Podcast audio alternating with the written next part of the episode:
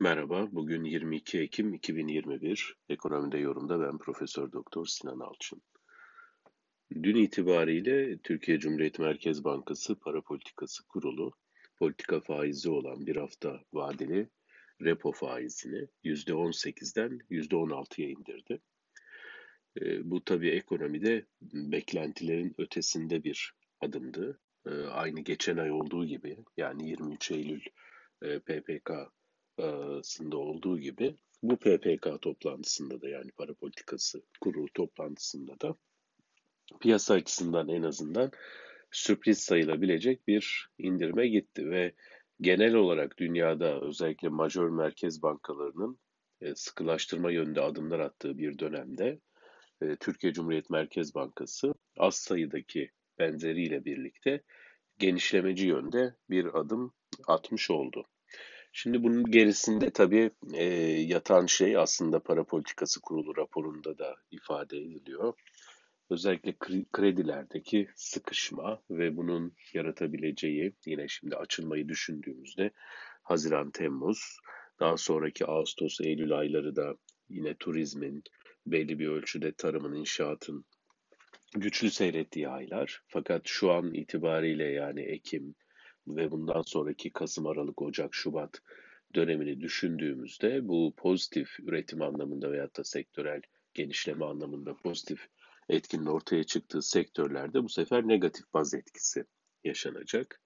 Ee, dolayısıyla e, bir yönüyle piyasalarda bir canlanma ihtiyacı e, bir tarafta duruyor.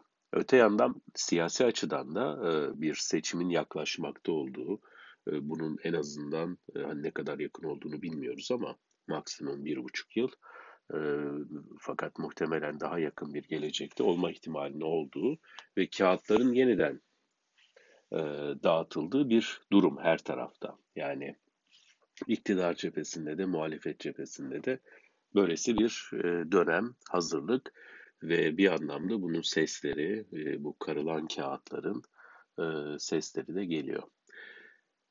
Şimdi peki Merkez Bankası bu adımla e, neyi hedeflemiş oluyor? Merkez Bankası aslında fiyat hedefinden kur hedefine doğru geçmiş oluyor. Hedeflediği kur da e, kendi ifadeleriyle rekabetçi bir kur.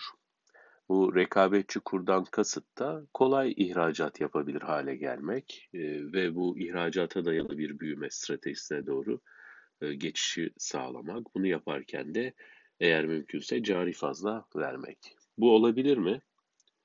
Bu olabilir. Peki bunun sonucu ne olur? Bunun sonucunda yüksek enflasyon kalıcı hale gelir. Nitekim para politikası kurulu raporunda baktığımızda %5'lik resmi hedef orta vadeye doğru gönderiliyor son paragrafta. Yani orta vadede Merkez Bankası'nın %5'lik hedefini koruduğu söyleniyor. Tabii o orta vade hani benim anladığım minimum 5 yıl. Yani 5 yıl sonrasında belki 3 yıl, 5 yıl sonrasında böyle bir durum ortaya çıkabilir. Tabii o zamana kadar Merkez Bankası mevcut yönetimi kalır mı kalmaz mı? O da ayrı bir tartışma. Şimdi diyelim ki kur hedefi tuttu ve e, Türk lirası hızlı biçimde e, değer kaybetmeye devam etti. Böylelikle yabancılar açısından Türk malları ucuz oldu ve ihracat arttı. Burada iki tane tabii e, aslında e, kör alan var. Bunlardan bir tanesi işte Jevons'un J eğrisiyle ifade ettiği durum. Yani e, bu kurdaki artış e, ilk etapta ihracatı artıracak gibi gözükse de aslında ithalatı daha fazla, ithalat harcamalarını daha fazla artırabilir. Dolayısıyla e, cari açığı artıran bir unsur olabilir. Neden? Çünkü sizin mallarınız ucuzladığında bir anda yeni müşteri bulamayabilirsiniz. Fakat daha önceden satın aldığınız, e, dışarıdan satın aldığınız mallardan vazgeçemezsiniz veya hizmetlerden. Yani ithalat harcamalarını bir anda kesemezsiniz. Çünkü bu yeni kur hedefiyle birlikte ithalat e, Türkiye'deki üretici açısından da, hane halkı açısından da pahalı hale gelmiş olacak. Dolayısıyla bunu ödemek zorunda. Niye? Kontratlar var. Öte yandan imalat sanayinde %60'a varan e, ithal girdi bağımlılığı devam ediyor. Hal böyleyken e, ihracat yapabilir mi firmalar? Yapabilir. Fakat ihracat yapmaya çalışırken aslında bir şekilde bir aktarım mekanizması sadece çalışmış olur E, ve karlarda da burada bir sıkışma ortaya çıkmış olur. E, Şimdi öte yandan tabii enflasyon üzerinde de e, her ne kadar Merkez Bankası orta bir vadede e, resmi hedefi yine gözettiğini söylese bile o orta vade 5 yıldan da çok daha uzun olabilir. Yani bu içine girilen stratejiyle birlikte enflasyonist bir büyüme patikasına doğru girmiş oluyoruz. Bu nedenle de hani yüzde şu anki yüzde yirmilik enflasyon seviyesi tabii TÜİK'in açıkladığı rakam bu tartışılan daha yüksek rakamlar var. Muhtemelen artık hani ne diyelim enflasyon iyi günleri olarak da e, görebiliriz. Öte yandan diyelim ki e, gerçekten hani kısa dönemde ithalatı artırmasına rağmen birkaç ay sonrasında hızla ihracat arttı ve e, gerçekten de cari fazla verir ve bir şekilde eksilmiş olan işte eksi 36 milyar dolar düzeyine gelmiş olan net rezervler yavaş yavaş dolmaya başladı.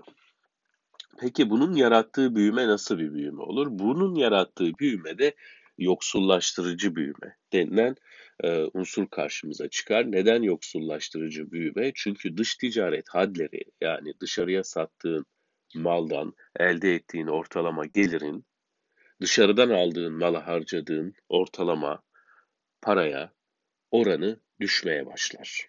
Bu da şöyle bir durum yaratır. Yani biz çalışırız ülke içinde fakat dışarıyı besleriz. Bu tabii geniş halk kesimleri açısından enflasyon vergisiyle e, dengelenen bir unsurdur. Yani e, işte çalışırsın, iş bulursun, daha çok, daha uzun süre çalışırsın fakat reel gelirin sürekli azalıyordur. Yani satın alma gücün sürekli olarak azalıyordur. E, böylesi bir döneme doğru bir geçiş. Buna benzer dönem en yakın tarihte 80'li yıllar aslında. Reel gelirlerin büyük ölçüde eridiği, ihracata dönük bir büyüme politikasının e, öncelendiği bir süreç. E, tabii hani e, bunun sonuçları açısından baktığımızda bu politika ne kadar yürütülebilir ya da sürdürülebilir mi? E, bunları da zaman içerisinde hep beraber izleyip göreceğiz. İyi günler.